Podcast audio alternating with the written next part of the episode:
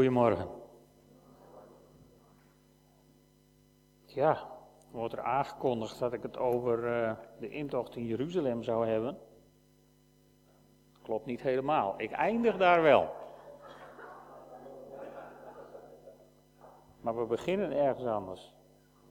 Het thema wat ik heb uitgekozen voor vandaag is wat ons beweegt.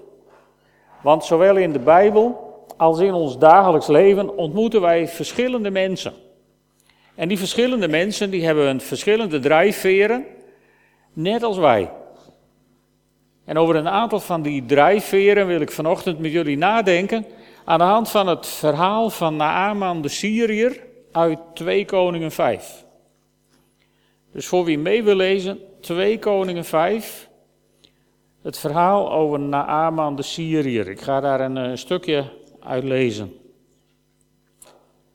Naaman, de bevelhebber van het Aramese leger, stond bij zijn koning in hoog aanzien en werd zeer door hem gewaardeerd. Want de Heer had hem voor Aram een grote overwinning laten behalen. Maar deze grote krijgsman leed aan huidvraat. Nu hadden de Arameërs op een van hun strooptochten uit Israël een jong meisje meegevoerd dat als slavin diende bij de vrouw van Naaman. Zij zei tegen haar meesteres, ach, kon mijn meester maar eens naar de profeet in Samaria gaan, die zou hem wel genezen. Naaman ging naar zijn koning en vertelde hem wat het meisje uit Israël had gezegd. Daarop zei de koning van Aram, ga erheen, ik zal u een brief meegeven voor de koning van Israël.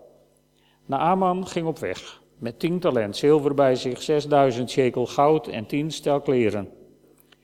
In de brief die hij aan de koning van Israël overhandigde stond het volgende. Met deze brief stuur ik u mijn dienaar Naaman naar u toe, om door u van zijn huidvraat te worden genezen.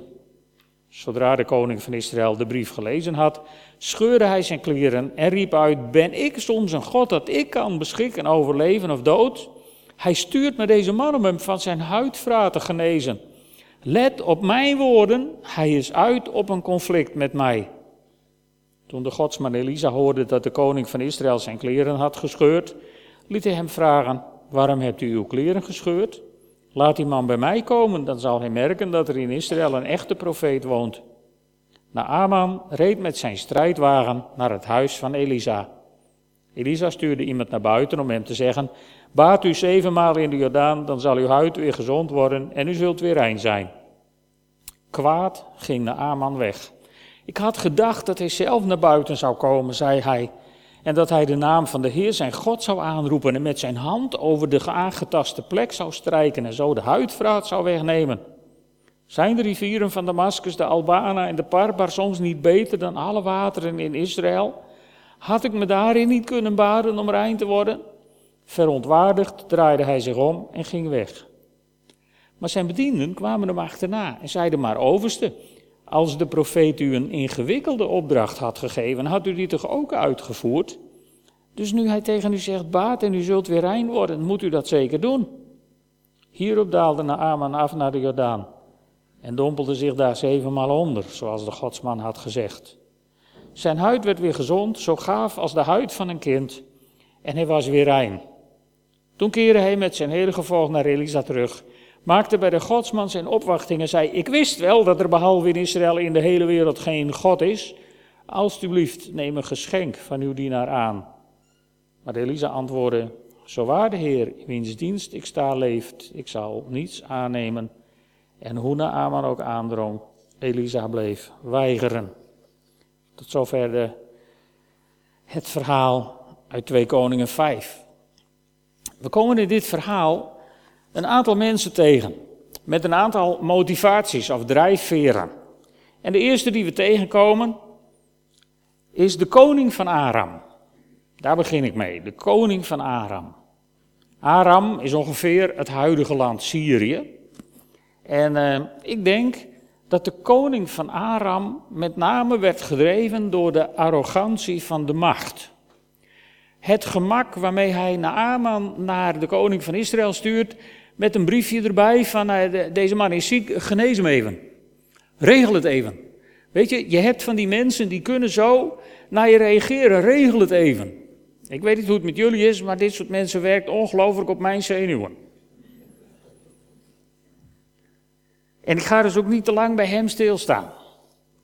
De koning van Aram. Hij, hij waardeerde Naaman bijzonder, maar het was meer om wat hij voor hem had gedaan dan om wie hij was. Dus sowieso een man om, om niet te lang bij stil te staan. Dus we gaan door naar de koning van Israël.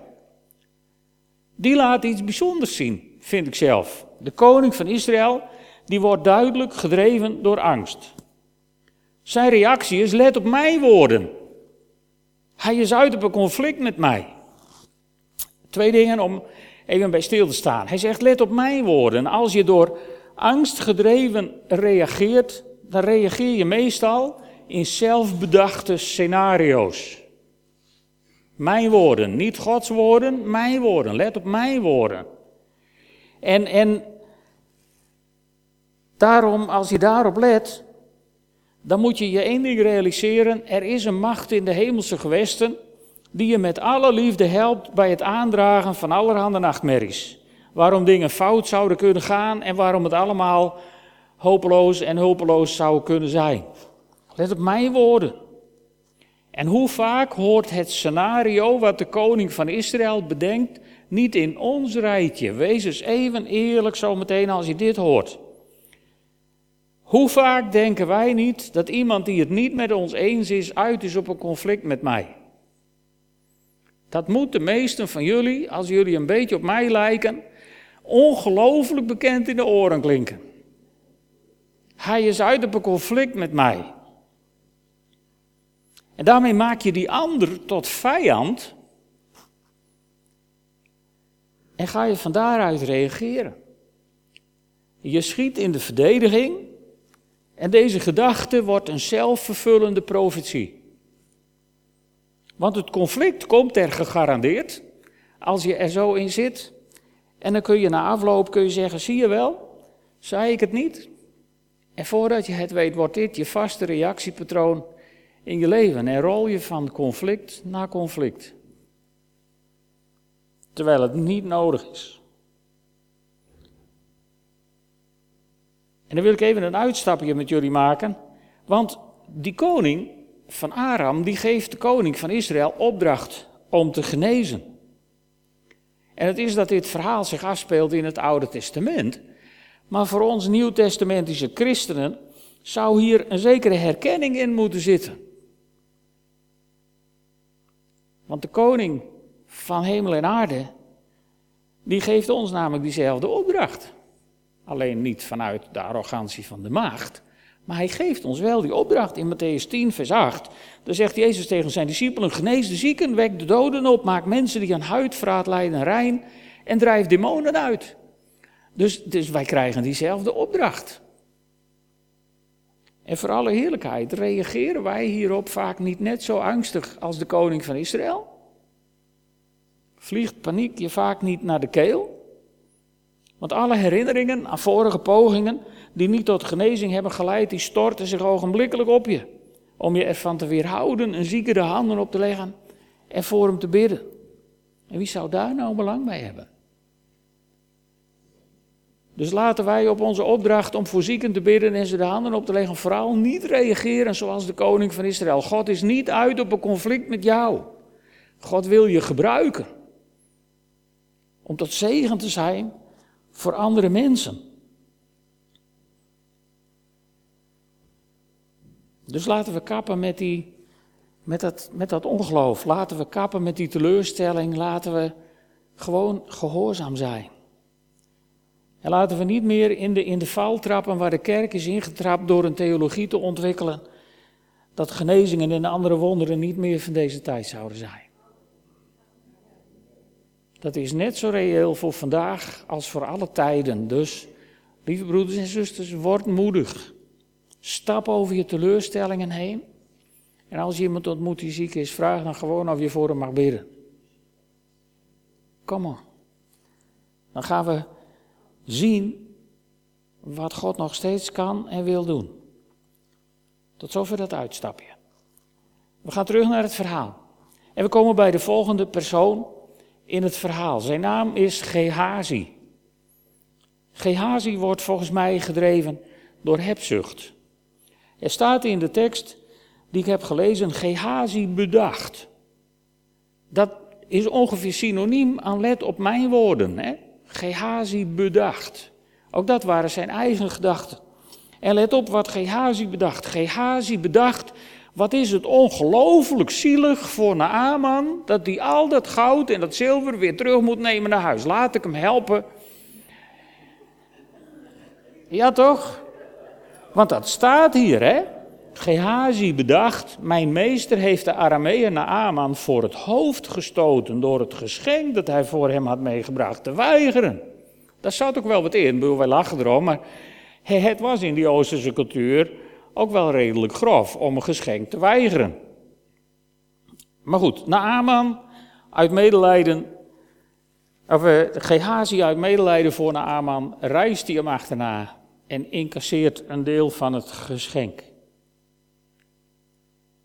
Dus in plaats van het gebod van God dat we niet mogen begeren te gehoorzamen, bedacht hij zelf het tegengestelde.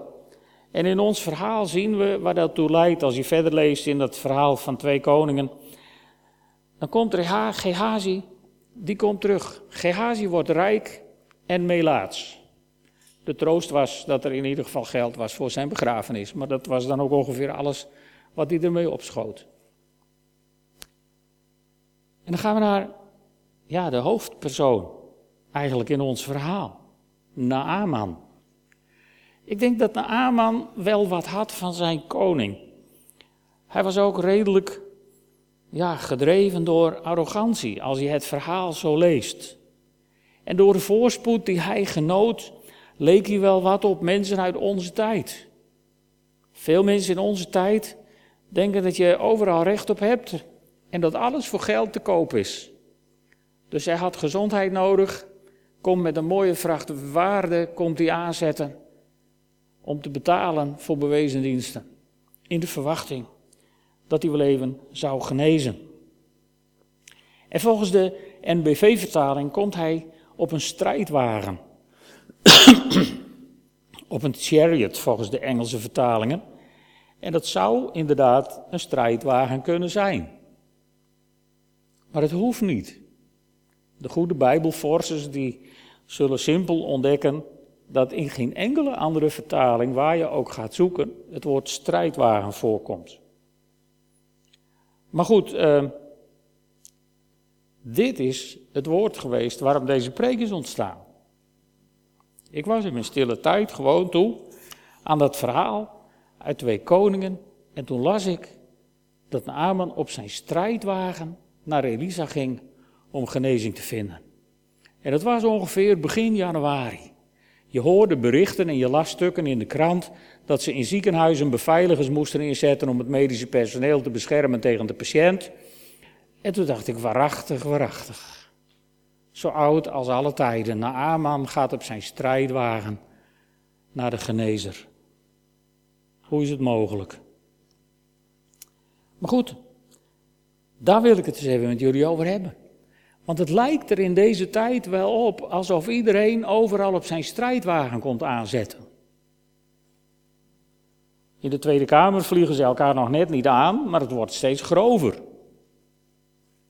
Om van de vermakelijkheid van het Britse parlement maar niet te spreken.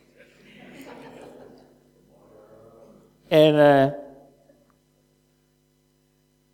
op het voetbalveld wordt het steeds gewelddaadiger. En anders op de tribune wel. En zelfs na een wedstrijd die wat slecht is verlopen in de omgeving van een stadion zijn, is al een hachelijke onderneming geworden. En wat ik zei, waarom moeten ze op de spoedeisende hulp in een ziekenhuis beveiligers hebben om de dokter tegen de patiënt te beschermen? Hoe is het mogelijk? En vaak moeten mijn vrijwilligers van het Rode Kruis zich terugtrekken achter de beveiliging om beschermd te worden tegen de festivalgangers die niet snel genoeg worden geholpen naar hun zin. Wat raar, dat mensen die genezing nodig hebben zelfs aankomen zetten op een strijdwagen. Maar laat dat nou even voor wat het is. Maar hoe vaak komen wij in de kerk niet aanzetten op onze strijdwagen?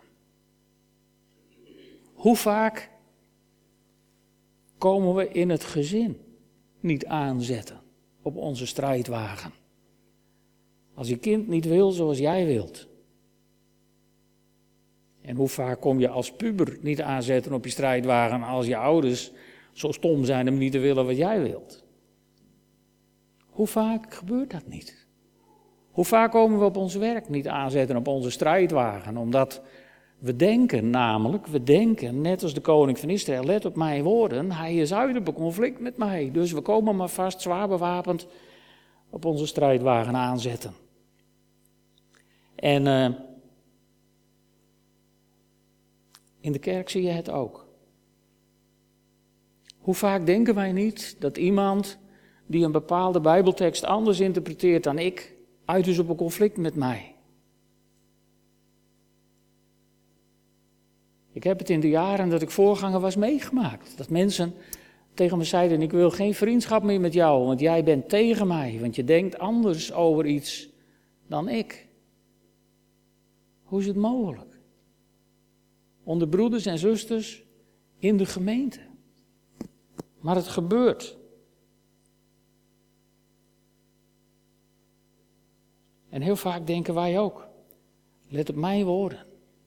Let op mijn woorden. Hij is uit op een conflict met mij. Dat heeft heel wat kerkscheuringen veroorzaakt. Als je de kerkgeschiedenis bestudeert. En dan geeft Jezus ons een heel ander voorbeeld. Jezus die inderdaad een week voor zijn kruisiging Jeruzalem binnenrijdt. En Matthäus die schrijft daarover, zegt tegen Sion, zie je koning is in aantocht. Hij is zachtmoedig en rijdt op een ezelin op een veulen, het jong van een lastdier. Waarom ging het zo mis? De Joden hadden verwacht dat hij op een strijdwagen Jeruzalem zou binnenkomen om de Romeinen wel eens even Morus te leren. Maar Jezus komt zachtmoedig op een ezel. Met een totaal andere mentaliteit, met een volledig tegengestelde geest. Jeruzalem binnen. En Naaman, Naaman had ook zijn eigen vooronderstellingen. We hebben dat gelezen, hè? in vers 11, daar zegt hij, als hij boos weggaat bij Elisa, het is natuurlijk ook wel wat. Je komt eraan als iemand die gewend is om altijd met alle honneurs te worden ontvangen. En dan kom je bij de profeet en die komt niet eens naar buiten. Die maakt geen eens uh, een buiging voor je of niks. Die stuurt gewoon een van het personeel naar buiten van uh, het baadje maar onder in de Jordaan en uh, de groeten. Ja, Naaman die, die, is, die is woest en die gaat weg. En dan zegt hij, ik had gedacht. Hij had dus een plaatje van hoe hoe de hulpverlening er zou uitzien die hij zou krijgen. Hij had als het ware de liturgie voor de ziekensalving al geschreven. En toen de ziekensalving anders verliep dan de liturgie, bleef hij liever ziek en werd hij boos. Wonderlijk, maar mensen zijn rare dingen, heb ik zo langzamerhand ontdekt. En, en laten we eerlijk zijn, wij worden ook vaak geïrriteerd als de dingen anders lopen dan wij hadden gedacht. We hebben allemaal ons, ons ideaalbeeld van hoe een kerkdienst, of een eredienst, zoals sommige mensen dat nog steeds noemen, eruit hoort te zien. En als hij er anders uitziet dan wij denken dat hij eruit hoort te zien, gaan we boos naar huis. Want het was vandaag geen eredienst. Dat gebeurt. In elke kerk. Afwijkingen van de liturgie is bijna een doodzonde. Ja. En uh, anders kom je volgende week misschien wel op je strijdwagen aan. Met het idee, als het weer zo luid is als vorige week dan. Al was het weer zo rumoerig achterin is door de kinderen dan. Het gebeurt, hè. Er komen mensen zondags naar de dienst met dit soort gedachten. Terwijl we zeven dagen of zes dagen de tijd hebben gehad om dat met de Heer in orde te maken en zeggen: Heer, bevrijd me van mijn boosheid, zachtmoedig op een ezel. Zo zou je ook naar de kerk kunnen gaan. Zouden we, zou je zelf een andere kerkdienst beleven? Dat garandeer ik je. Daar zet ik mijn handtekening voor. En naar God toe is het ook zo. Als God onze gebeden anders verhoort dan ik heb besteld, heeft hij mijn gebed niet verhoord. En dan worden we boos op God. Mijn eerste ervaring met God was om je te bemoedigen, vertel ik dit. Mijn eerste ervaring met God, mijn echte ervaring met een sprekende God, was op het eerste moment in mijn leven dat ik roodgloeiend boos was op God. Zo verschrikkelijk kwaad dat ik maar één gebed meer over had met gebalde vuisten. Waarom, waarom, waarom? En toen gebeurde er iets heel wonderlijks in mijn leven. Toen ontdekte ik dat God nog steeds een sprekende God is. Er klonken geen donderslagen en er kwamen geen wonderlijke stemmen of zo, maar God sprak door zijn woord. Ik sloeg mijn Bijbel open en toevallig viel mijn Bijbel open bij Jesaja 55. En het was in een tijd, beleid het jullie maar, ik was gek op de verhalen, die kende ik ook allemaal goed, van de kinderbijbel en van het vertellen, en die las ik ook in de Bijbel. Maar moeilijke boeken zoals Jesaja en Jeremia enzovoort, dat gedeelte zeg maar na koningen, dat sloeg je over. Dan begon je gewoon weer bij Genesis, want dat was een mooi verhaal. Dus ik was niet zo thuis hoor in Jesaja, maar mijn Bijbel viel open bij Jesaja 55 vers 8. En terwijl ik hartstikke woest was op God, las ik deze verzen. Mijn plannen zijn niet jullie plannen en jullie wegen zijn niet mijn wegen, spreekt de Heer. Want zo hoog als de hemel is boven de aarde, zo ver gaan mijn wegen jullie wegen te boven en mijn plannen jullie plannen. En dat was alsof God tegen me zei, beste Willem, ik wil het je wel uitleggen, maar je kunt het niet begrijpen. En dat was eigenlijk reden genoeg om weer boos te worden. En op een of andere wonderlijke wijze overkwam mij dat niet, maar maakte God hier een einde aan mijn boosheid. Naaman was ook boos. En weet je, boos zijn is niet erg. Boos zijn wordt nergens in de Bijbel verboden. Maar God waarschuwt ons wel voor de risico's van boosheid. Als, uh, als Kain woedend is, omdat zijn offer niet wordt aangenomen en dat van Abel wel, dan staat daar in Genesis 4. En dan zegt de Heer tegen Kain, waarom ben je zo kwaad en waarom kijk je zo donker? Als je goed handelt kun je iedereen toch recht in de ogen kijken, maar als je slecht handelt, dan ligt de zonde op de loer, begeerig om jou in haar greep te krijgen.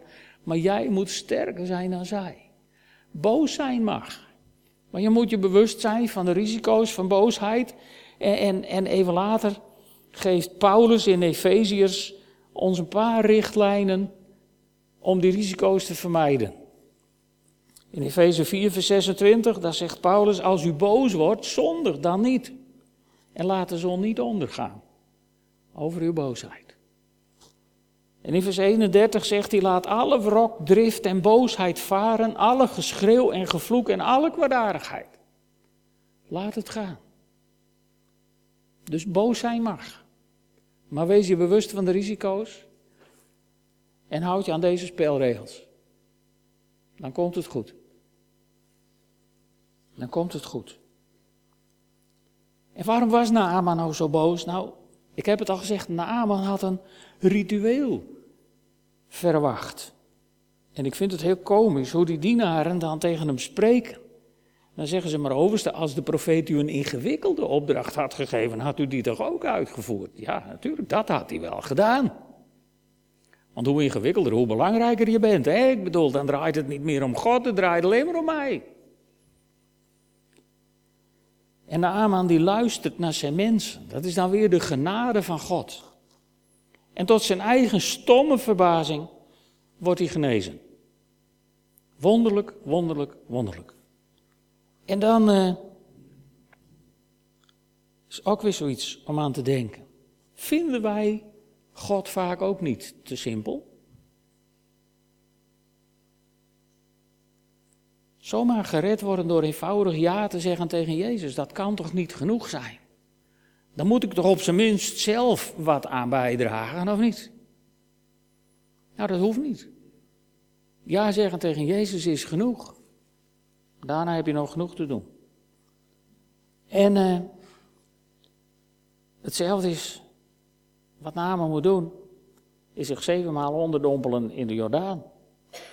Nou, we hebben hier ook een soort Jordaan onder die tafel. Daar hoef je maar één keer in onder te dompelen. En sommige mensen doen daar zo moeilijk over. Die denken dat je eerst op zijn minst een briefje uit de hemel moet halen, of een donderslag met een heldere stem moet horen, of een andere spirituele belevenis moet hebben voordat je gehoorzaam bent. Het staat in de Bijbel dat God dat van je vraagt. Dus het is volgens mij gewoon simpel een kwestie van doen.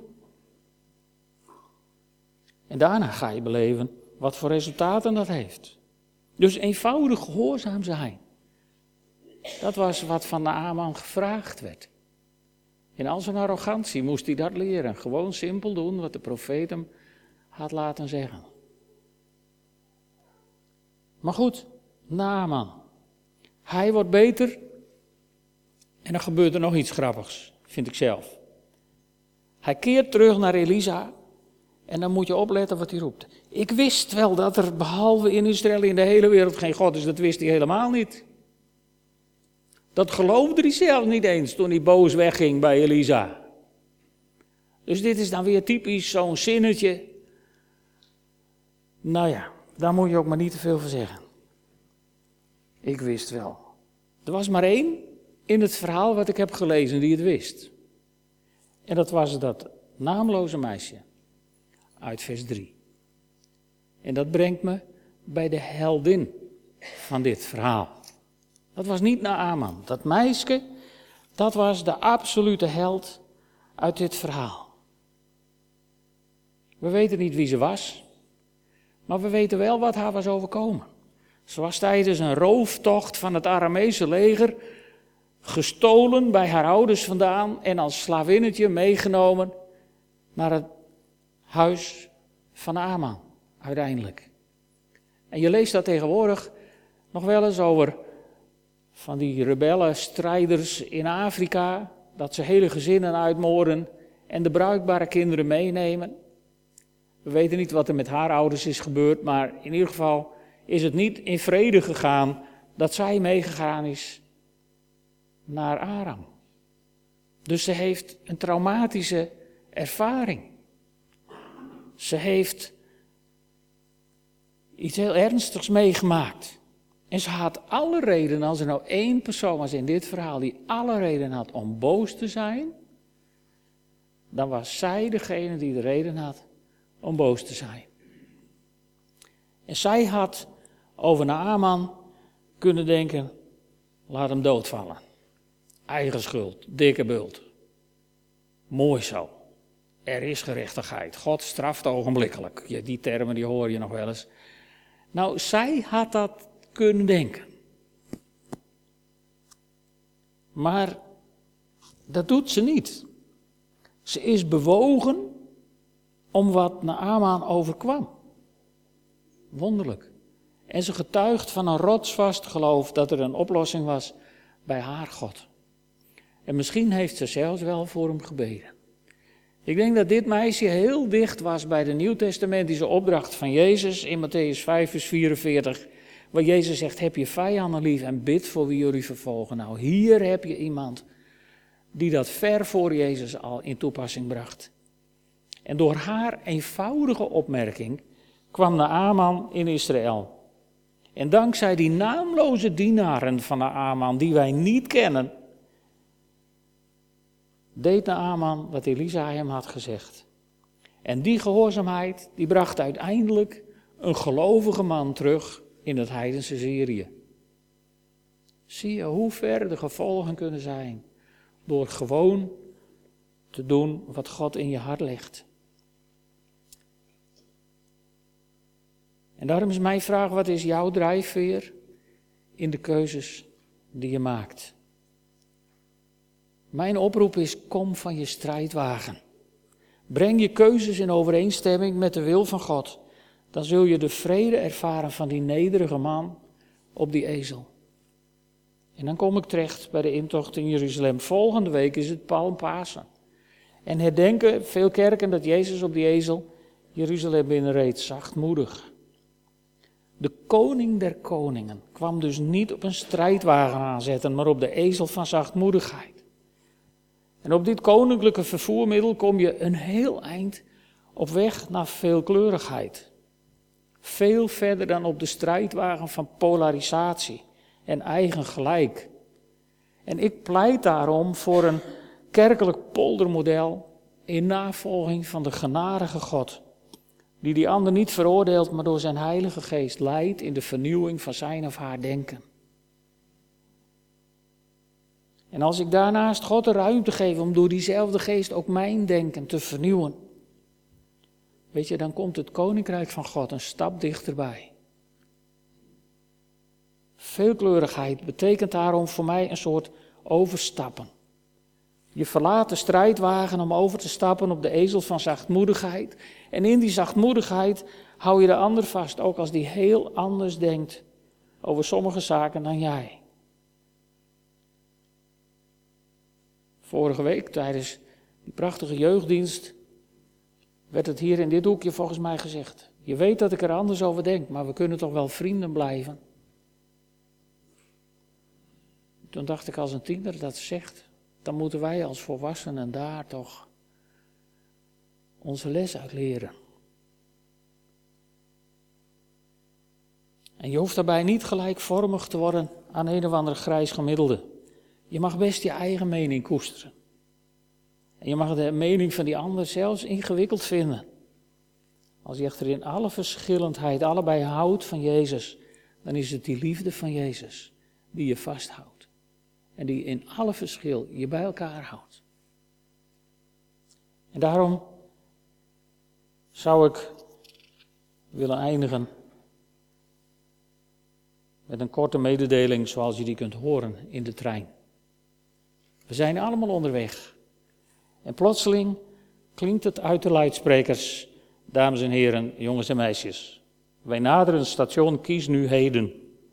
U kunt hier overstappen op de ezel van zachtmoedigheid met als eindbestemming harmonie. Deze strijdwagen rijdt door naar het volgende conflict. Wij wensen u goede reis. Amen. Zullen we gaan staan en samen bidden?